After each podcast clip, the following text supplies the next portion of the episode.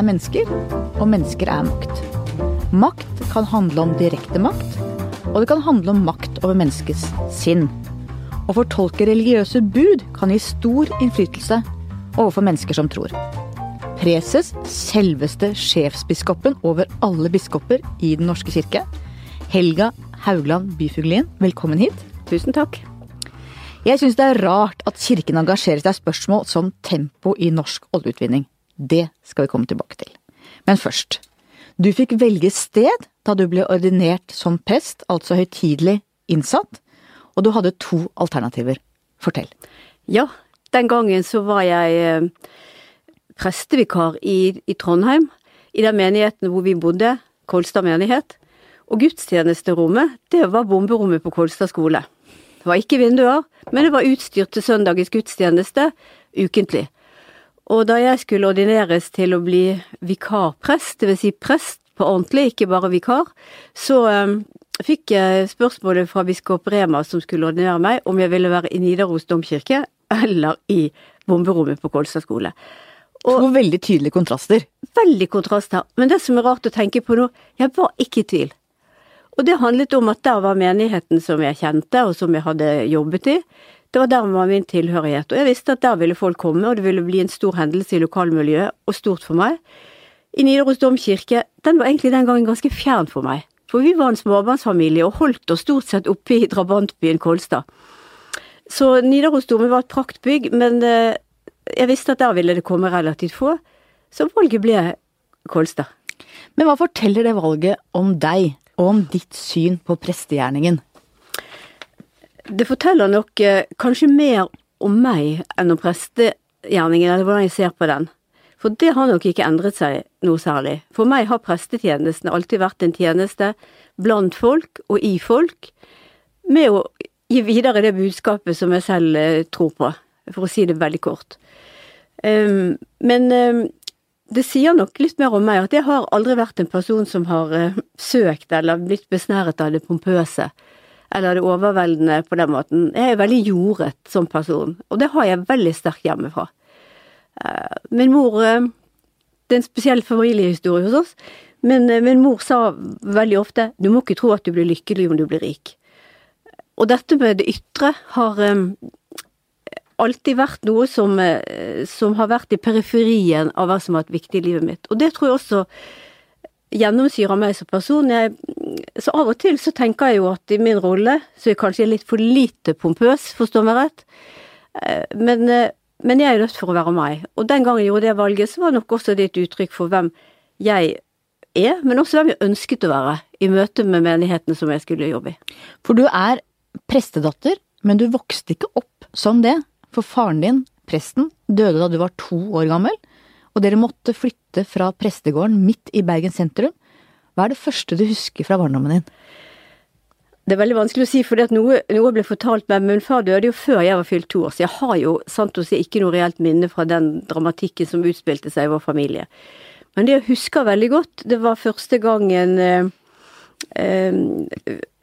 etter at vi har flyttet opp i, i, Fridal, som det het, og vi ble flyttet inn i en, en liten blokkleilighet. Vi var seks barn pluss min mor etter hvert. Ja, for hun var gravid med tvillinger da faren din døde. Hun ja. hadde fire barn. Satt ja. plutselig med seks barn ja. fra den store prestegården til den lille treromsleiligheten på 65 kvadrat. Ja, det var jo ganske voldsomt. Men du vet, det var en annen tid også. Dette var på 50-tallet, og folk flest bodde jo helt annerledes. Så nå men likevel. Men, men jeg husker veldig godt at jeg satt på, på gjerdet utenfor blokken der hvor vi bodde, og spurte nabojenten som het Anne Grete om, øh, om hva heter moren din? og det, det, er liksom sånn minne som jeg har. Vi sitter der ute på den trappen og ser for meg disse grønne gjerdene og sånn. Så, så, det er vel det første barndomsminnet jeg har som er, er, klart. Men så hadde jeg også en opplevelse av at jeg var innestengt der hvor vi bodde i St. Jørgen, i presteboligen, i en svær uh, sal på Lepra-museet der. Det var I boligen? Jørgen. Nei, i, på gårds, over på gårdsplassen. Var Sankt Jørgen. Det var Sankt Jørgen det, jo, det var jo den, den helgen som særlig var beskytta for de syke, men også for de som hadde spedalskhet. Og der var det en institusjon i veldig, veldig mange år. Kirken ligger der enda, en vakker kirke, hvor de spedalske møttes til gudstjeneste. Og der var det også svære forsamlingsrom, og jeg hadde sneket meg inn der for å besøke en dame som bodde på Kvisten, og det ble lukket og låst, og det var stor oppstandelse i familien. Så jeg har et svakt minne av å sitte i en sal med en stor lysekrone, men det er vanskelig å skille hva som var blitt fortalt. Men jeg tror kanskje det er litt sånn spor av det som jeg har som Jeg har ikke klaustrofobi, men jeg liker godt å ha dører åpne. ja. Moren din flyttet altså til den treromsleiligheten med seks små barn. Hadde ikke utdanning. Hva ja. levde dere av de første årene? Altså, Siden far var prest, så var jo fremdeles allerede Statens pensjonskasse, så hun hadde nok en pensjon som var, som var til, å, til, å, klare seg med. Og det var vel sikkert også da Dette fortalte hun veldig lite om. Men hun, men hun klarte seg med det som hun fikk i offentlig pensjon. Men det som var, eh, som var hennes Sånn som jeg har forstått i etterkant, hennes beslutning da hun ble alene, det var hun måtte skaffe seg utdanning. Og da var det å bo i Bergen, for hennes, all familien vår bodde i Haugesund. Og det var der far døde også på en 17. mai. Eh, men hun dro tilbake til Bergen og ble fast bestemt til å bli værende der, og tok eh, artium på kveldsskole. Det var barnehagetantene som passet oss, husker jeg godt. Jeg hadde jo eldre søsken, men de ble liksom ikke lenket til oss mindre. Eh, og hun tok artium og tok lærerskole. Mm. Så hun var ferdig med lærerskole, da var jeg elleve år. Mm. Hva slags type var hun? En ganske imponerende historie. Ja, det er jo Altså, dess eldre jeg blir, dess mer forstår jeg hvor imponerende det var. Eh, men hun var en sterk dame. Sterk psykisk, um, også ganske glup. Nok, eh, hun tok bare middelskolen før hun begynte litt som journalist i Haugesunds Dagblad. Var veldig flink til å skrive. Um, og så giftet hun seg da hun var 24 år, min far var fem, eh, fire år eldre, og ble prestekone og fikk jo da barn på rekke og rad. Uh, men hun var intelligent, målrettet, og um, hadde ferdigheter på Hun var forferdelig flink til å bake, hun var kløpper med hendene med veving og sy og strikking, ja, og kunnskapsrik så det holdt. Og hun var en, en, hun var en streng mor.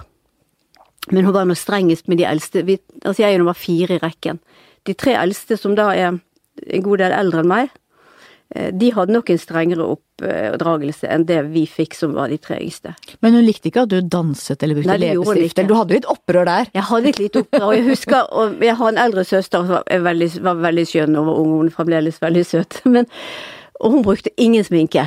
Hun gjør det fremdeles ikke, tror jeg. Men så hver gang jeg gikk ut, hadde sneket meg ut, og ser henne få den leppestiften på, hadde sneket noen oransje leppestift ut døren, så var det kommentarer fra min mor og fra min søster. Og jeg gjorde det på trass. Det var jo så uskyldig så vel mulig. Og jeg en gang snek meg av gårde på sokkedans, som det het den gangen. Da var min mor på et eh, studieopphold, og jeg fortalte det når hun kom hjem. Og jeg husker jeg sa det ved frokost, vet du, det var som å detonere en bombe. Men hun ble ikke så veldig sint. Og siden da jeg kom på gymnaset, så ble jeg leder i Gymnasiastsamfunnet på Katten, som det het i Bergen. Og en av oppgavene der var å arrangere skoleball. Og da skulle leder i Katt, formannen i, i Hugin, som det het, være hovedtaler, og jeg måtte dit. Og da sydde min mor ballkjole til meg. Å, det er vakkert, da. En sånn nydelig, sånn sjøgrønn, sånn duchesse blank, med høyt liv, var veldig pen. Det var et gjennombrudd. Og hun visste du skulle danse? Det visste hun, for hun visste jeg skulle på ball. Så. Så tiden endret seg. Mm. Men du var bare 22 da hun døde, ja. og hun ble bare 58 år. Ja. Hvordan har disse tapene og den sorgen preget deg? Ja, det Altså, det å vokse ut, eh, opp utenfor var jo skjellsettende for vår familie. Vi var en spesiell familie. Vi bodde i en blokkbebyggelse hvor det bodde helt vanlige folk. Eh, på godt helt vanlige folk. Men vi var en spesiell familie. For det første hadde vi mor som jobbet. Det var jo ikke veldig vanlig. Og så um, hadde vi noen stramme rammer rundt oss, eh, men samtidig så hadde vi det veldig trygt.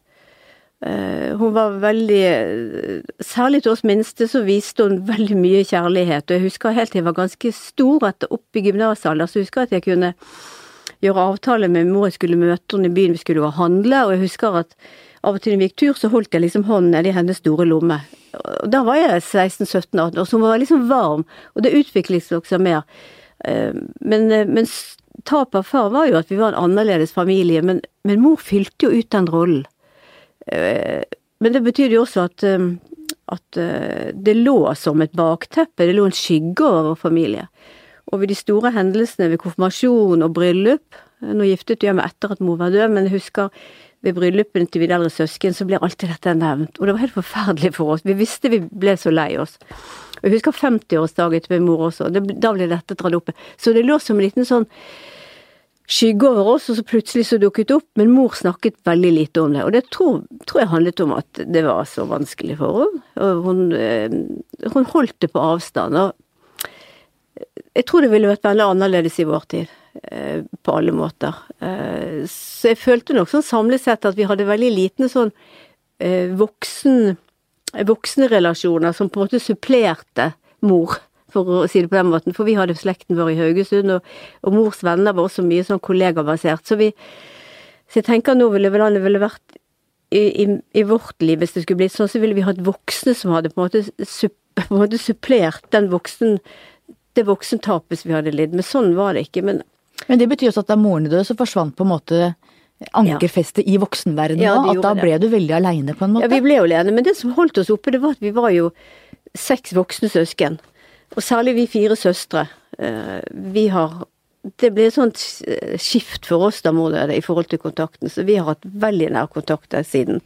Og det har hjulpet oss veldig. Men vet du, tenk på når de, de to tvillingsøstrene mine som ble født etterpå, som aldri hadde hatt far, de var 20 år gamle. Og du vet, det var jo en krise, men vi eh, Nei, av en eller annen merkelig grunn så hadde vi klart å å komme gjennom det. Men, men, hvordan det setter spor i livet uh, Det setter jo noen spor. Altså alt som skjer i livet vårt setter spor. og um, Min mor sa flere ganger at ja, du, det er du som ligner meg mest i sinn og skinn, sa hun til meg. Det er jo ikke alltid så kjekt å høre når du er 15 år og konfirmant, men Men nå er det fint? Men nå er det jo flott. For det er jo, det er jo noe med det som jeg satte veldig stor pris på hos henne. Og så ser jeg også at det er ting som ved sånn som hun var, som også Eh, var krevende, for hun ville jo vite, vite om oss og hadde meninger om ting, og hun var ikke spesielt lystelig når jeg begynte å studere teologi. Ikke fordi hun var men hun, Nei, hun syntes ikke Nei, hun, hun, var ikke i utgangspunktet veldig uh, oppmuntrende til det. Var det fordi hun var mot kvinnelige prester, eller? Hun var jo egentlig en veldig så kvinnesakskvinne i hele sin fremferd, og veldig irritabel på menn som trodde de visste bedre.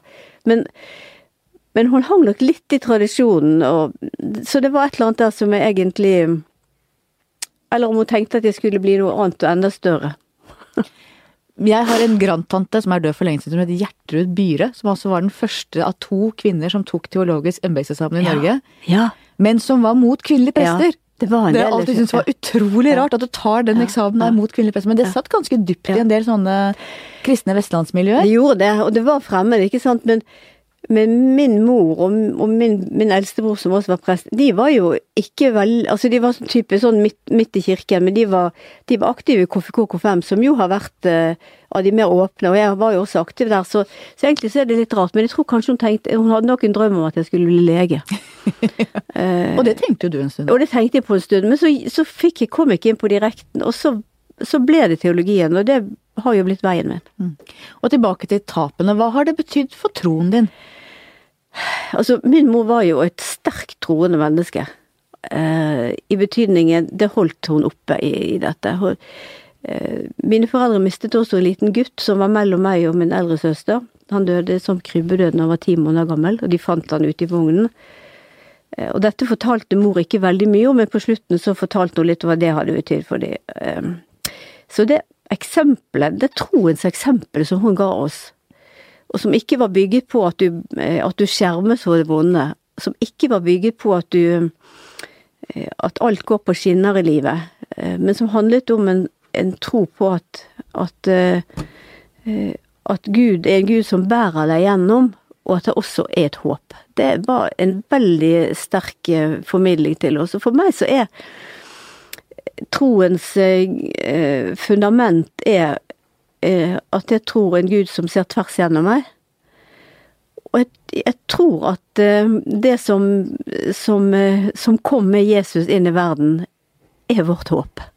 Og du har jo selv sagt at du har opplevd katastrofer i livet, og at du derfor vet at det går an å finne en vei, også i det grusomme. Ja. Tror du det alltid er mulig? Jeg tror ikke det er sånn at alle mennesker opplever det når de opplever katastrofen.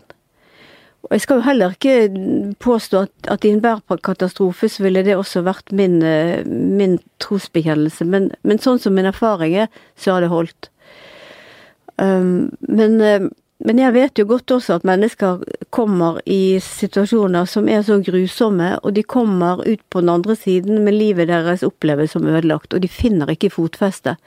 Noen blir sykeliggjort, andre blir preget av bitterheten, og en del sier jo farvel til Gud. Men det er samtidig, eh, som for meg, at ingenting blir bedre hvis Gud ikke er der. To dager etter 22. juli 2011 etter Utøya og bomben i regjeringskvartalene, så talte du til hele Norge under minnegudstjenesten i Oslo domkirke. Og du traff noe også hos meg. Og jeg tok initiativ den gangen til at vi trykket hele din Jeg tale det. i VG. Hvordan forberedte du deg til den oppgaven? Det var jo en helt eh, Når jeg ser tilbake på nå, så er det sånn at det er en opplevelse av å bli, å bli båret gjennom noe som ikke Jeg, jeg, jeg tok nok ikke innover meg eh, Altså, situasjonen tok jeg meg innover meg, men, men, eh, men betydningen av Og det ansvaret jeg selv fikk, det nesten heldigvis det det bare var noe som lå der. Dette, dette, dette måtte jeg gjøre. Jeg var jo da tilsatt som presis i den nye rollen, men var jo fremdeles biskop i Borg. Eh, Men jeg husker jeg hadde kontakt med Olav Dag Hauge, som var fungerende Oslo-biskop, den eh, lørdagen, lørdag formiddag, når det ble kjent denne gudstjenesten, og sa, han sa til meg Jo, Helga, det, det er du som må ha preken, det er du som er preses. Eh, Og da gikk jeg, dro jeg ned til, til Kirkens hus sånn tidlig ettermiddag, og med en gang så kom det til meg hva jeg skulle ha som, som prekentekst, nemlig la ikke hjertet bli grepet av angst og uro, tro på Gud og tro på meg. I mitt fars hus er det mange rom. Det, det, da, men det var det eh, Så jeg satt med det, jeg, Jeg tok jo ikke Jeg hadde jo ikke så mye tid til å forberede den preken, for det var Jeg skulle videre opp i Dagsrevyen, det var mye som sto på. Uh, Så jeg, jeg skrev Jeg satt og snakket med noen som hadde blitt tilkalt som sånne mm, på å si, kriseberedskapsprester. Og da var det en som sa til meg du, må, du, må, du må holde deg ned på Du må holde deg nede der hvor du, der hvor du tror at folk er. Så det som var helt nødvendig for meg, det var å, å si noe som jeg kunne stå for. Eh, em, som jeg selv hadde en, en, en, en nærhet til og kontakt med i, i den situasjonen som var. Og så hadde jeg nok også et ønske om å utøve en form for Det sies ofte at diakoni er handlingene, men jeg hadde nok også en, en sterk opplevelse av at jeg måtte utøve en form for diakoni med ordene jeg brukte. At jeg måtte, jeg måtte si noe som kunne gi et flik av, um, av trøst og medfølelse, og samtidig løfte inn det kristne budskapet. Det er sånn med å levere fra seg noe i det offentlige rom, det er jo et stort ansvar, men ansvaret den dagen var jo ekstremt. Fordi at det var sånn samling om kirken. Og det betydde så mye hvordan kirken var i de nærmeste dagene. Em, over hele landet, men selvfølgelig ikke minst i Domkirken i Oslo. Og der ble det jo gjort en formidabel innsats. Og det som var spesielt også i den- tiden etterpå, det var jo at folk ønsket å tenne lys og være sammen. Men veldig mange ønsket også noe mer. De ønsket at kirken skulle sette ord på noe. Og veldig mange ønsket at det skulle feires nattverd. Ja. Mm. Det er interessant da at kirken ble et samlingspunkt. Ja, det er veldig sånn tid. interessant. Ja.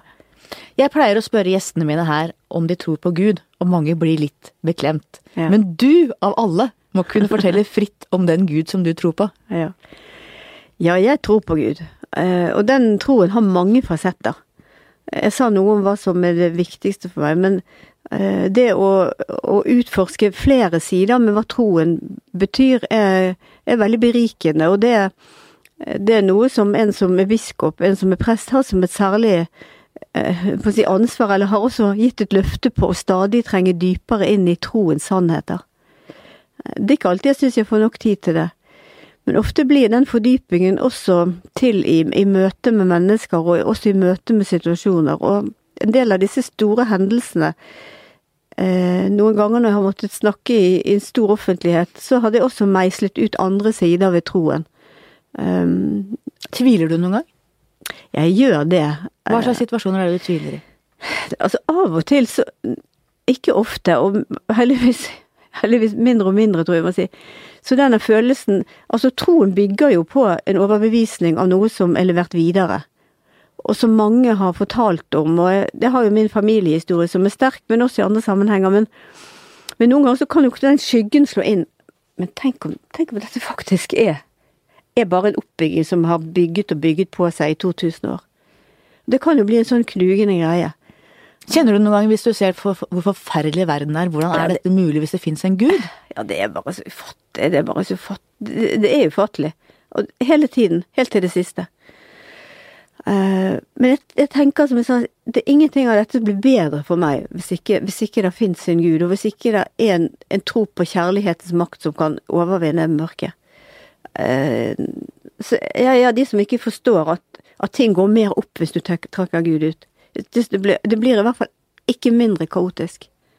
Jeg tenker på alle fortellingene fra Bibelen og deres plass i vår kultur. Alt det som vi tar for gitt begreper. Altså Judaspenger, barmhjertig samaritan, kaste den første stein, David mot Goliat, bortkomne sønnen. Det er jo fortellinger som preger hele vår kulturkrets. Også for de av oss som ikke har en sterk gudstro. gudstro. Men det ligger jo der som en del av kulturarven vår.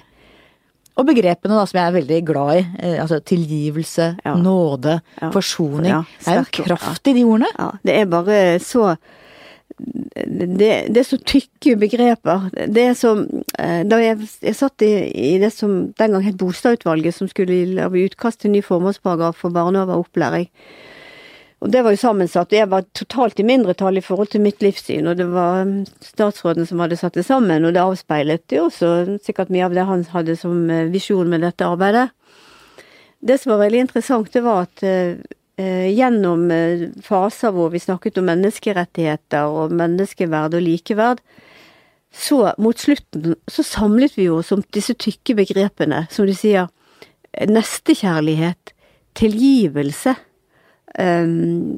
solidaritet, altså disse, disse som disse som ikke avgrenser hva du kan gjøre, men som tvert imot folder ut hva faktisk, det faktisk handler om. Å tilgi, og vise nestekjærlighet. Det er liksom et annet begrep enn solidaritet. Mm. Ja, for nestekjærlighet handler jo om eh, å hjelpe andre nesten selvutslettende, men solidaritet handler jo om å løfte Å stå sammen med noen, ikke sant? Ja. Solidar. Det er også et egeninteresse, men det er det jo ikke i nestekjærligheten. Nei, det kan være tvert imot. Det kan være å, å bevege seg i retning av noe som kommer til å utfordre deg noe voldsomt. Og nestekjærlighet har jo en grunnfortelling i den barmhjertige samaritan. Da Jesus avslutter med å si Hvem av disse mener du viste seg som en neste? Det er et fantastisk spørsmål. Hvem viste seg som en neste? Det er et eh, utfordrende spørsmål. Det var det den gangen når Jesus fortalte den eksempelfortellingen som det, men det er jo ikke mindre i vår tid. Og hvem var egentlig Jesus? Ja. Det er um, mange som har stilt det spørsmålet. Um, første søndag i advent så var jeg på gudstjeneste og preket over eh, den teksten som var da med inntoget i Jerusalem, som egentlig tok til Falmesøndag. Og det spørsmålet som da blir sagt blant folk, hvem er dette? Det har vært stilt hele tiden. Og, og Bibelen gir jo mange svar på det, men et grunnleggende svar som, som kirken bygger på, det er jo at at Jesus, som stort mysterium som det, er Guds sønn. Han har del i Guds vesen. Han viser Guds ansikt på jord. Og hvem ville han vært i dag? Hvor ville han gått? Altså, Jesus kom jo inn i menneskers hverdag. Han kom jo til et bestemt folk med en bestemt historie, og som hadde et bestemt eh, En bestemt forventning til en som skulle komme. De hadde jo levd på det i, i mange, mange hundre år. Um, men han kom midt i hverdagen til folk. Han oppsøkte ikke de ekstreme situasjonene. Han var der hvor folk var, og det som kom i hans vei, forholdt han seg til på en helt annerledes måte enn de rundt han ville forventet. Han løftet opp barnet. Han forsvarte den kvinnen som hadde vært med på, øh, på noe på natten, og som ble blendet av morgenlyset, og de er ferd med å og løfte han opp. Ehm, han øh, forholdt seg til at folk var sultne, og rettesatte fariseerne som sa at de ikke kunne spise aks på sabbaten. Han var i folks hverdag, så han kunne jo like liksom godt kommet her. Og hvor ville han gått da? Ville han sittet i bispekollegiet, eller ville han gått på Plata? Nei, han ville jo ikke sitte i bispekollegiet, hvis du, hvis du prøver å overføre. Der ville han ikke vært. For det, hvis du skal på noen måte tenke i den religiøse settingen her og ta vekk innholdssiden, eh, så var jo biskopen eh, kanskje i Det høye råd, eller eh, noe Var i hvert fall blant de skriftlærde fariseerne. Han ville ikke vanka med dere. Jeg tror ikke han ville vanket blant oss, hvis du tenker en religiøse institusjoner. Men han ville Men han ville kanskje tatt en tur innom en, uh, en avis, som også sitter med en posisjon. Eh, Og hva ville han sagt til oss? Kanskje han ville sagt at dere mm, burde tenkt litt på hva kommer dagen etter dere har skrevet. hvordan er det for det mennesket i morgen? Når dere verken har løftet opp eller uh, forsvart det? Eller kanskje hengt ut? Men da ville jeg kanskje sagt, tenk, hva, hvordan vil du være neste i forhold til det som du skriver? Men det var, jeg ville tenkt, hva tenker du om hvordan det vil være for denne personen i morgen? Det tror jeg ville vært et spørsmål. Men ellers så ville han vært uh, Kan godt hende at han hadde gått i, um, i kjøpesenteret på Sten og Strøm. Uh, for han han var jo veldig opptatt eh, av Jesus av at det som forførte folk, og rikdommen kan jo forføre oss. Med alt det vi har, og alt det vi kan skaffe oss, og vi kan bli hybris, vi kan bli høye på vår rikdom. Eh, der har vi jo eh, Ja, der mener jeg vi har, vi har en stor utfordring i vårt samfunn. Å tenke over hva rikdommen gjør med oss, og hva vi gjør med rikdommen. Men ellers så, så ville han også vært på Han ville også snakket til og vært eh, en tur hos de mest belastede, som eh, enten det er den tiggeren som, eh, som, sitter og ikke orker å løfte blikket, men bare sitter der mer og mer lutet. Eh, på overgangen mellom med, med, eh, med sentralstasjonen, de som sitter på broen der mellom kjøpesenter og stasjonen. Han ville, også, han ville stoppet opp der, men han ville vært blant vanlige folk. Han oppsøket ikke egentlig uh, hele tiden ekstreme, men han vandret blant folk, og der formidlet han sitt budskap. Hva tenker du om religionens plass i det norske samfunnet? Det er, det er jo en eh, pågående samtale, for ikke å si debatt. Både hvordan religionsplass religionens plass skal være i det norske samfunnet. Der kom jo denne, denne mm, utredningen til Stålsett-utvalget, Det livssynsåpne samfunn, som satte jo på mange måter et nytt navn på, eller nærmest formulerte en visjon i den tittelen. Eh, om at eh, alle disse som var med i utvalget, sto bak at vi må bidra til at vi får et livssynsåpent samfunn, der alle tros- og livssynssamfunn kan få ytre seg, og mennesker også kan ytre sitt tro og sitt livssyn, eller mangel på det, og også må våge å tørre å orke å la seg eksponere av andres. Nå er det jo eh, Islam har blitt ganske sterk ja. i Norge. Har det gjort kristne nordmenn mer bevisst sin tro? Ja, det tror jeg har skjedd i relativt stor grad. At man er, er når, når, du er muslim, var jeg. På arbeidsplasser, i skolemiljøer osv. Og, og de har jo en synlig tro, både i sin livsførsel og til dels i sin klesdrakt med hijab. Og det har gjort også at vi har fått helt andre debatter omkring religion. Og det vi ser, det er jo at eh, at i, i vårt, vårt, samfunn, de som eh, Der er jo åpenbart krefter som, eh, som ønsker eh, religionen ikke så fremtredende i, i, vårt samfunn. Det er åpenbart at Human-Etisk Forbund har annen, et annet ønske for religionens plass i samfunnet enn en det, en det, vi har som har en tro. Jeg hadde Knut Arild Hareide, lederen i KrF her. Mm. Han sa at Human-Etisk Forbund opplever han som intolerante når det gjelder f.eks. spørsmål om skolegudstjenester. Er du enig med KrF-lederen i det? At de er intolerante? Jeg syns de eh, i altfor stor grad skyver andre foran seg. Men jeg har respekt for at de som foreldre, humanetikere, ikke ønsker at barna skal delta i skolegudstjeneste, og der er det full anledning til. Men jeg syns ikke de ved det skal bidra til at det som barn får oppleve gjennom en gudstjeneste, også barn som tilhører andre religioner, jeg syns ikke det skal tas fra dem når så stort flertall i folket vårt ønsker det. Og det som er paradokset, er at flere muslimer har jo stått fram og sagt at vi ja. har ikke noe problem med at barna våre går til gudstjeneste, Nei. mens oppfatningen hos mange nordmenn er at det er muslimene som ikke vil. Så Human-Etisk Forbund bidrar på et vis til å skape noen motsetninger som ja, de ikke nødvendigvis er der. Nei, de bidrar til å skape motsetninger som ikke er der, og det tror jeg mange muslimer føler stort ubehag ved.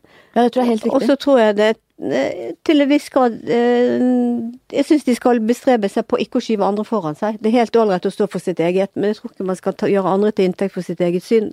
Det tror jeg det kan være klokt av de å besinne seg på. Hvis du ser på kollektivet versus individet, ser du forskjell på ulike religioner når det gjelder hvordan de ser enkeltmennesket i forhold til gruppe? Eh, det er jo slik at, at f.eks. for eksempel islam, da, for å ta det som et eksempel, har jo sterke identitetstegn eh, knyttet f.eks. til klesdrakt og til livsførsel. Og selv om man er en, det mange vil si en, en, ikke en troende muslim, men mer en sekulær muslim, så vil de likevel ha disse tegnene på at de tilhører en gruppe hvor den religionen har vært grunnleggende for verdisett og levesett gjennom eh, generasjonene. Og hvor det kanskje de, er vanskeligere å bryte ut av gruppen, eller vanskeligere å synliggjøre seg som ja, individ? Ja, selv om det også er miljøer hvor dette står veldig fritt. men mens vi lever jo i en ekstremt individualisert kultur, Og den kristne tro ytrer seg jo for veldig mange ikke i levesett, heller ikke i livsform, eh, eller heller ikke i ytre eh, vaner. Heller ikke med å gå i kirken. Eh, Selv om mange vil si at de er kristne, men de går ikke i kirken likevel.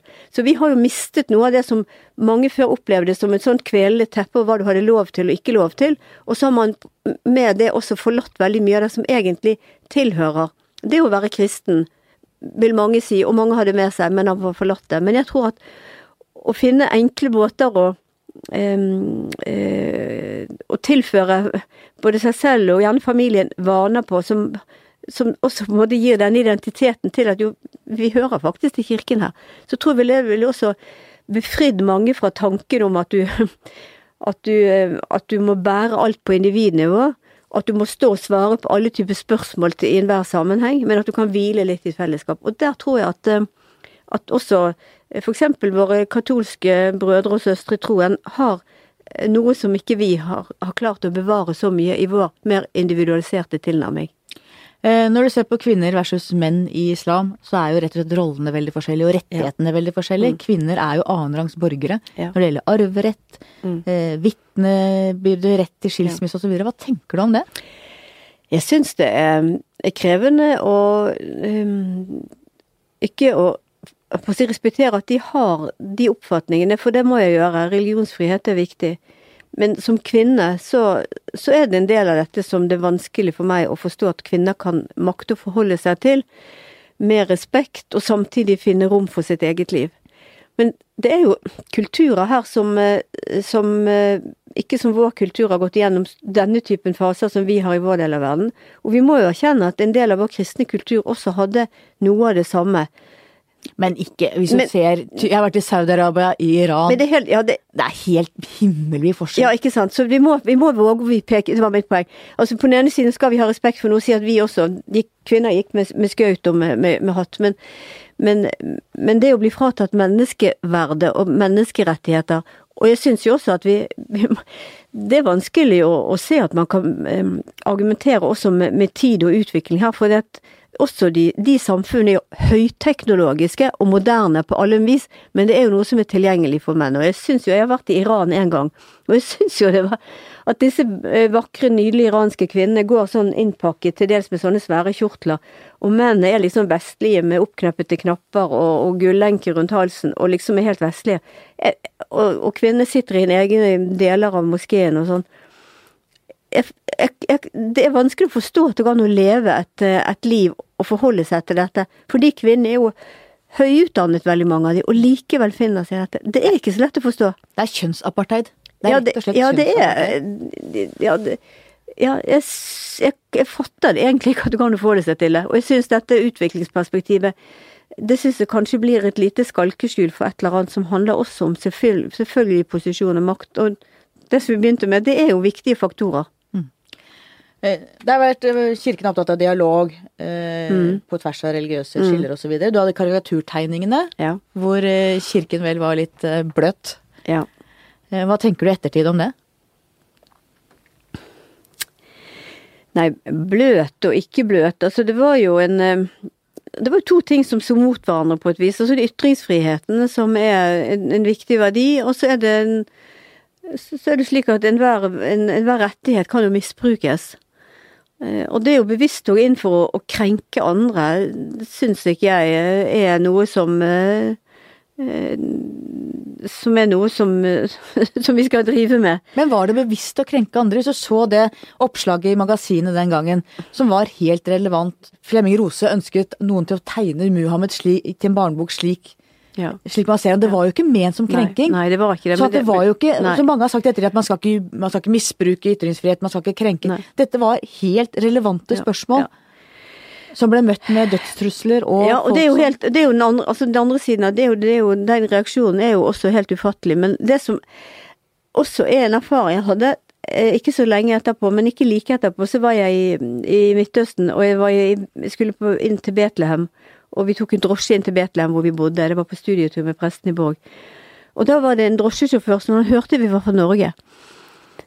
Han ble altså så rasende aggressiv at vi rett og slett ba han om å stoppe bilen, så vi gikk det siste stykket. For han ble helt krakilsk. Så, så et eller annet har jo trigget noe kolossalt. Og, um, og så kan vi si at da skal vi forholde oss til det, men jeg tenker at vi må holde frem ytringsfriheten som en verdi. Den er den grunnleggende. Den er en grunnleggende verdi, for hvis ikke vi beholder den, så, så er vi jo på vei inn til noe helt annet som vi ikke står for som fellesskap, og heller ikke som kirke. Jeg tenker på også rundt debatten rundt blasfemiparagrafen. Ja. I min verden så tenker jeg at å spotte Gud må være lov, og Gud er vel sterk nok til å kunne forsvare det, seg selv. trenger ikke, det er ikke Gud, det er ikke, det er ikke Gud som uh, Han sitter ikke i himmelen og krenkes, men troende kan bli krenket. Men det må de også tåle. Det må vi tåle, ja. Men vi kan også få lov å si at vi liker det ikke. Jeg ha eh, vist noen tegninger, jeg tror det var TV 2 i forbindelse med, med, med dette i Paris. Og de, det var noen forferdelige tegninger med Gud og Den hellige ånd og en penis og det hele og sånn. Så skal jeg stå der og si liker du det? Nei, jeg liker det overhodet ikke. Jeg fatter ikke og begriper at noen skal tegne, men det er fullt rett. Må bare gjøre det. Og det er helt, og selvfølgelig er du din fulle Ja. rett til å mislike Ja. det. Men du kan ikke begynne å forby det. Nei. Jeg kan overhodet ikke forby det. Nei. Vi snakket om de store fortellingene. Julen. Ja. Nåden i et nyfødt barn. Mm. For en fortelling. Eh, og Josef. Ole Paus laget i sin Ja. tid en hel forestilling ja, om Josef. Ja, fantastisk. Mm. Helten som sto ved sin gravide kjæreste med et barn som han visste at ikke var hans. Det er ganske sterkt. Ja, det er veldig sterkt. Han eh, snakk om Sa du trofasthet og ville gå den veien som egentlig han eh, måtte ane at var veldig strabasiøs. Han ante vel ikke hva det ville koste gjest, men han ante vel at for familien deres så ville det koste mye, og for Maria ble jo det eh, å miste en sønn. Mm. Et av de vakreste diktene jeg vet om, er Nordahl Grieg, ateisten, som har skrevet om Josef. Har du lest det? Mm. Ja, jeg har lest det, men jeg har det ikke helt Og det er så fint. Ja, ja. Hvordan han står ved sagen og synger ikke sant, Mm. lykkelig og forelsket, og så kommer Maria inn og så forteller hun dette som er helt uforståelig. Ja. Og så blir han rasende, selvfølgelig. Ja. Og så mykner han, Ja. og så bøyer han seg, så avslutter Ja. han da Men Josef sang ikke mer. Nei. Og det er så sterkt. Ja. Men det er også en sånn vakker sånn irsk salme som vi, som vi synger. Så, det, er med gjemt i Josefs store trøye. Det er liksom sånn Det er liksom faren som har en stor trøye og kan bære dette barnet, og det er sånn tegn på at han tar, han tar det til seg. Og det å ta, å ta barnet til seg, det var jo det han gjorde, og Maria hadde gjort det først, for hun fikk en mor ta barnet til seg. Jeg har ikke noe valg. Men det er ikke noe selvsagt ting at en far tar barnet til seg på den måten, når du vet dette er ikke et barn som jeg har vært med å lage. Og i den tiden Ja, i den tiden. Altså hele konteksten der er jo ganske Det er en veldig sterk fortelling om eh, Så den fortellingen til Ole Paus så jeg for noen år siden, og den var jo Den, eh, den treffer jo noen ting, og jeg tror den treffer eh, Den idylliserer ikke fortellingen, men den utfordrer jo kraftig, ikke minst fedre. Og det løfter Josef fram, for han har jo vært litt Veldig. borte, stakkar. Veldig. Ja. Og Maria, da. Ja. Ung jente. Ja. For en skjebne. Det er jo et drama som kunne vært uh... Ja, det er et voldsomt drama, og det er jo eh, Det er jo en fortelling om en som, som går inn i, inn, i, inn i noe som er helt eh, det, det å ta en sjanse. Altså, hun tar den risikoen. Og det som blir beskrevet, som sier med meg skje, med meg skje som det er blitt sagt, men jeg har for meg et bilde som eh, en, en tegning fra en konfirmantbok som jeg brukte i mange år, akkurat dette hvor trosbekjennelsen, født av jomfru Maria, født, unnfanget ved Den hellige ånd, født av jomfru Maria. Og så ser du Maria står der, og så ser du liksom strål, og liksom tegn på nåden, tenker jeg, den som stråler nedover henne, mens hun står der. I sin eh, ydmykhet og sikkert sin beven. Eh, og- hvis jeg skal tenke, ane hvordan hun eh, måtte ha kjent det, så var det jo dette. Der er nåde her som vil bære meg. Det, det er noe her som vil, som vil bære meg gjennom. Eh, Men det er jo gjennom historien, gjennom evangeliene, så er det jo flere episoder hvor vi forstår at, at Maria skjønte ikke heller mysteriet Jesus, Guds sønn. Eh, og hvor Jesus et par ganger også irettesetter henne og sier at 'min time er ennå ikke kommet', eller 'og kvinne, hva har jeg med deg å gjøre'? Så han måtte holde avstand fra en mor som ville komme tettere på. Så det er jo også en viss sånn gjenkjennelse på mennesker som har et sterkt kall, og som kanskje eh, fristes av å gå litt ut av det, eller de rundt lurer på hvor, hvor bærer dette hen. Og Maria var jo en mor som hadde også de opplevelsene. Uh, som gjør det også veldig uh, menneskelig, som dette jo også er. Det er jo fortelling også om et menneske. Ja, mødre kan kjenne seg igjen. Veldig. I dag er det knapt kristne igjen i den delen av verden der hvor det hele begynte, Mm, i Midtøsten. Mm. Uh, kristne er antagelig verdens mest forfulgte minoritet. Mm. Eh, men vi klarer ikke alltid å se det, for at kristendommen i vårt samfunn har vært dominerende Mm. og tidvis undertrykkende. Hva tenker du om det vi ser i verden rundt oss da? Det er jo, det er jo fortellinger om kristne som, som, lider, og det er fortellinger om mange andre minoriteter også som lider. Også i det muslimske fellesskapet så er det jo stor forfølgelse. Men, men kirken, eh, også vår kirke, har jo relasjoner til, til mange, mange, kristne, også i Midtøsten. Og jeg har jo mange ganger vært i Det hellige land og møtt kristne der. Og også i Egypt var jeg for eh, en del år siden. Vi hadde jo besøk av den egyptiske paven i Norge for to og et halvt år siden. Og det er jo fortellinger om kristne som lever i ekstreme situasjoner, og balanserer mellom å forholde seg til samfunn som er totalitære, og samtidig på den måten kunne beskytte det fellesskapet som de er ledere for. Det er en ekstrem kryss, eh, kryssituasjon som vi møtte også hos paven i Egypt, og nå, nå har jo det vært en, dette attentatet på hovedkirken, katedralen i Kairo, Markuskatedralen, som gjorde et utrolig sterkt anslag på alle de koptiske kristne, som er faktisk eh, 10% av den egyptiske befolkningen minst. Og så har du da små grupper, eksempel i, i, Jerusalem, i, i, de palestinske områdene, og også i Israel, eh, som eh, har ganske ulike liv, men, men de minker hele tiden. Og de, eh, det vi vet er at kristne de, de ser en oppgave med å være der de er, og samtidig så er det en sorg for mange at mange av deres barn, ikke minst, bruker nettverk, har utdanning, flytter derfra. Så det gjør også at det blir færre og færre. Er Den norske kirken nok opptatt av dette? Så vi har valgt å ha mye kontakt med noen kirker. Eh, og så har vi også hatt eh, mye kontakt, eh, ikke minst gjennom Mellomkirkelig råd, med det kirkerådet som særlig har hatt ansvar for Midtøsten.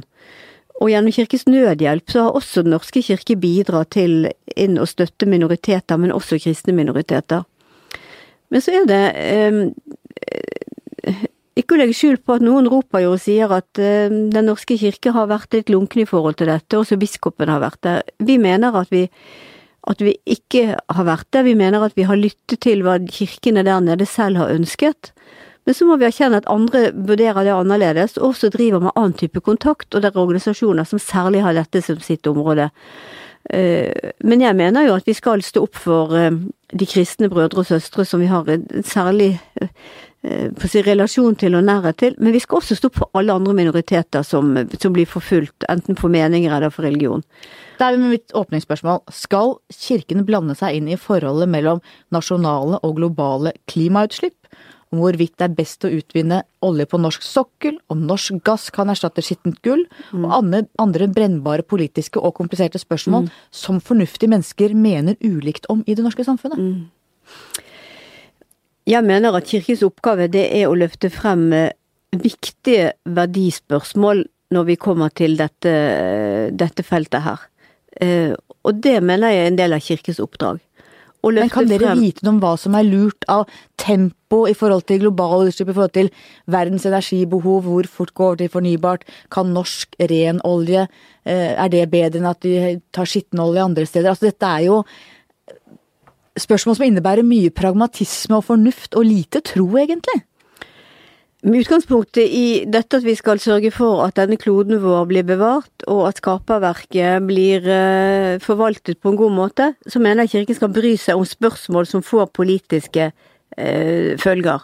Om å kreve, og også eh, kreve politiske beslutninger. Men jeg mener at vi skal gjøre det på et nivå som gjør at vi ikke driver, og kan bli tatt for å drive partipolitikk. Bør dere mene noe om oljeutvinning i Lofoten og Vesterålen?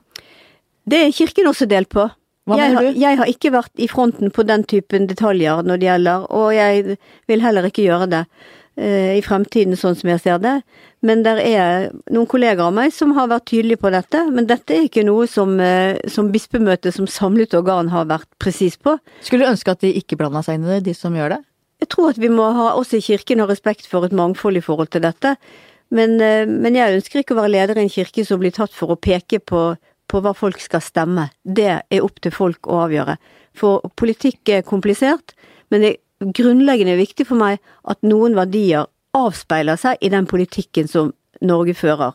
I forhold til både klima, i forhold til flyktning- og asylpolitikk, i forhold til verdens fattige. Vi kan ikke være et samfunn som, eh, som ikke lar oss utfordre de verdiene som faktisk er nedfelt som et uh, grunnlag for uh, samfunnet vårt i Grunnlovens paragraf to.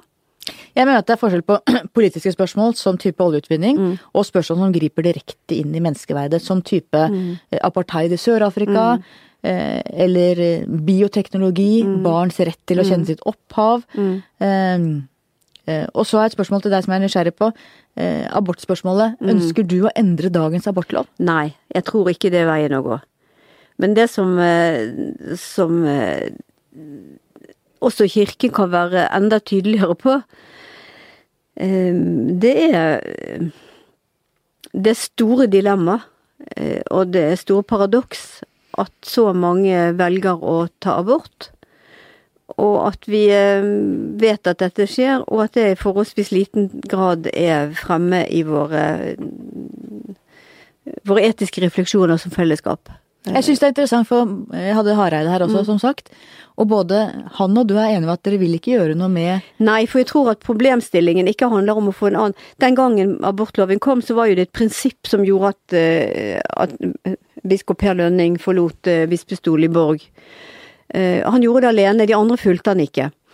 Den abortloven som vi hadde, eh, hadde jo en, eh, en, en innretning som hadde et vern om fosteret, men i realiteten så var jo det en praksis etter hvert som gjorde at de fleste som søkte om abort, fikk det, og det var overlatt til en nemnd. Så fikk vi loven om selvbestemt abort. Den, den gir kvinnen retten alene til å avgjøre det. Det det ble sånn, og jeg tror at å reversere den loven vil forfeile fokus igjen, og få dette til å bli en, en kvinnekamp som det var den gangen, i veldig stor grad. La meg korrigere meg selv, for det var ikke Hareide. Hareide er mot abort. Men uh, Trygve Slagsvold Vedum, ja. leder i Senterpartiet, er abortmotstander, men mm. vil ha dagens abortlov. Ja. Og den tror jeg er veldig viktig, i den forstand at det er bred konsensus om den. At det er ikke splittende. At det er en man har klart å forene to prinsipielt helt uforenlige standpunkter, nemlig kvinnens selvbestemmelse og rettsvern om det ufødte liv, som mm. Eh, mm. KrF og du og mange er opptatt av, i en løsning som faktisk fungerer bra, og som gir kvinnen det siste ordet. Ja. Og jeg tror ikke det er noen vei Nei, det er ikke noen vei tilbake. Så jeg tror vi må tenke annerledes. Vi må, vi, men jeg tror vi skal, vi skal ikke være redd for å underslå at, det å, eh, at en abort er å avslutte et liv. Det å ta et liv. Og det å gjøre det er knyttet til et stort alvor, som jeg tror de fleste kvinner opplever når de gjør det. Men jeg tror likevel det er mange ting rundt som gjør at mange velger å, å ta den beslutningen. Og jeg skulle ønske at vi kunne kommet mye lenger ned når det gjelder ab aborttallet i vårt land. Men det tror jeg alle, også de mest ivrige forkjemperne ja. for loven, er enig i. Jeg tror det er ingen som har som mål flest mulig aborter. Nei, jeg tror de fleste ikke. vil senke, men da går veien via prevensjon og opplysning. Opplysning, og, og selvfølgelig også å bidra til og også på ulike vis at det, det er ålreit å få barn om du er student og 22 år. Jeg var 24 og jeg var midt i studiet da vi fikk barn med viten og vilje, og det gikk helt fint. Og vi lever i en helt annen tid nå med rettigheter og så. Og det skulle bare mangle at ikke kvinner også kunne få barn tidlig, selv om man var ved starten av studiet eller midt i et karriereløp. Vi har så gode ordninger i vårt land at det er ingenting som tilsier at ikke flere skulle kunne bære frem. Og det er jo dilemmaet her. Så det er mange ting å si om dette, men men jeg vil ikke sitte her nå og sånn generelt og moralisere over de som tar abort, for jeg har stor respekt for det på et sett og vis, men som fellesskap så må vi våge å sette ord på dette. Du er opptatt av at kirken ikke må bli kuppet av fløyene, ja. Eh, og du vil unngå i vår polariserte tid en polarisert kirke. Ja. Homosaken splittet jo kirken. Mm. Gjelder det også i andre spørsmål? Altså den åpne folkekirken som sto i fronten for de homofiles kamp i kirken, blir det en politisk kraft også i andre typer spørsmål, tror du? Har, har homokampen åpnet for at det er greit å drive organisert politisk kamp i kirken? Altså, eh, spørsmålet var selvfølgelig hva du mener med politisk kamp, men jeg, eh, jeg mener at eh, vi er tjent med at Kirken er tydelig der hvor det er uenighet i Kirken, og at vi har skikkelige debatter om det. Men eh, samtidig så er det sånn at kirken lever sitt liv først og fremst lokalt, der mennesker hører til, og folk går til gudstjeneste, der det er et blomstrende arbeid i mange menigheter hele uken igjennom med barn og unge, og hvor folk skal samles på tvers også av meninger. Eh, og en polarisert kirke, som også bidrar til polarisering på lokalt nivå, ønsker jeg meg ikke. Men jeg ønsker ikke noe teppe av ulike meninger. Men eh, det er forskjell på å være kirke, som er så brei som Den norske folkekirke er med 73% av hele befolkningen, og å drive politisk eh, arbeid i retning av eh, å stå på et program og føre frem de sakene. Trond Bakkevik sa i sin tid at kirken er et trosfellesskap, ikke et Ja, det er det. meningsfellesskap. Ja, og det tror jeg mange av oss har gjentatt, og det er virkelig sant. Vi nærmer oss slutten. Mm. Ved de store høytidene så kjenner vi på kjærlighet og samhold, venner og familie treffes, det er latter og glede, og kontrasten blir enda større for dem som ikke har noen. Ja. Helseminister Bent Høie sier at ensomhet er Norges usynlige helseproblem, folkehelseproblem. Hvordan ble det slik? Ja, hvordan ble det slik? Det er jo mange ting som gjør det. Eh, Det handler jo om at eh, storfamiliene er annerledes eh, i dag. Det handler om at mange opplever eh, at eh, familierelasjoner har gått i stykker. Det handler også om rett og slett utenforskap i forhold til mennesker som, eh, som eh, av ulike grunner er falt utenfor. Enten det er en, eh, en eh, som eh, har store problemer med sitt eget liv, og som trekker seg tilbake rett og slett og, sitter i sin ensomhet, eller de som eh, er kommet i en situasjon hvor det er rusen som styrer deres liv, og det eneste som, eh, som er deres bevissthet, er å skaffe seg neste, neste injeksjon til å orke å se dagen i møte. Eh, Så det sies jo at det er flere og flere ensomme, og det er jo eh, det er jo lett å tenke at dette handler om en samfunnsutvikling som også skaper vår fremside og vår bakside. At den fremsiden som mange eh, er i stand til å skape av sitt eget liv, enten det er på en arbeidsplass hvor du viser eh, fronten din, eller det er på Facebook hvor du presenterer deg, eller eh, hvor barn er nødt for å tenke at dette er De må late som det er greit at mor og far flytter fra hverandre. Um, altså denne forstillelsen som, eh, som er noe av av av noe av det som, som nesten er blitt en svøpe. At det blir så mye som vi skal som du skal pusse på på fremsiden. Eh, Det kan gjelde i alle relasjoner. Det kan gjelde Det kan også gjelde kirken. Eh, Både en fasade med fromhet, men også med vellykkethet. Eh, Og jeg tror at det, bakom der så er det mye ensomhet. Det å vite at du har et sted hvor du kan være deg selv, der hvor du kan vite at du er elsket og få bekreftelse på det, er et grunnleggende behov som mennesker har. Eh, Og hvis du føler at det du viser andre for å få respekt og, og godhet tilbake, det er noe som egentlig ikke er deg, så blir det et stort vakuum bak der. Um, det, det, det kan jeg også kjenne på noen ganger, som en som snakker med store ord og høy, høy stemme i en del sammenhenger. Det kan sikkert også en som skriver i avisen kjenne på. Eh, at det blir veldig flotte ord, og så skal du hjem, og så Eller så går du ut døren, og så tenker du. Eh, så, så det å gi rom for eh, for mer eh, ærlighet og eh, eh, nærhet gjennom det, eh, det tror jeg eh, det ville gjort oss til et mykere og varmere samfunn. Jeg tror den kulden som handler om de glatte, eh, de glatte fasadene Altså når du Hvis du skal gå ut på glatten, så må du ha sko som, som, som griper tak i isen. Du må ikke få noe mellomrom mellom skoen og isen, for da sklir du. Og for, det er et banalt bilde, men det handler noe om hvis ikke du viser hvem du er, så får du heller ikke kontakt med, med, med det som skal bære livet ditt. Vise sårbarhet. Vise det sårbarhet, våge å forvente det, og det er Ehm, Jeg har også hatt noen erfaringer, for dette siste året har jeg vært syk. Eh, Jeg har alltid vært, vært frisk som en fisk, eh, for å si det banalt. Og det å kjenne den ensomheten, også det er inn i alle relasjoner. Det å våge å, å kjenne på det og vise det. Har du vært redd? Ja, jeg har vært, har vært redd, selv om jeg har vært trygg, men det er en ensomhet i det som er ganske voldsom. Um, og eh, så det å ikke Det å våge å vise den sårbarheten og vise den ektheten litt mer, tror jeg hadde skapt eh, mindre ensomhet. Hvorfor gjør vi det ikke? Jeg vet ikke. Jeg vet ikke.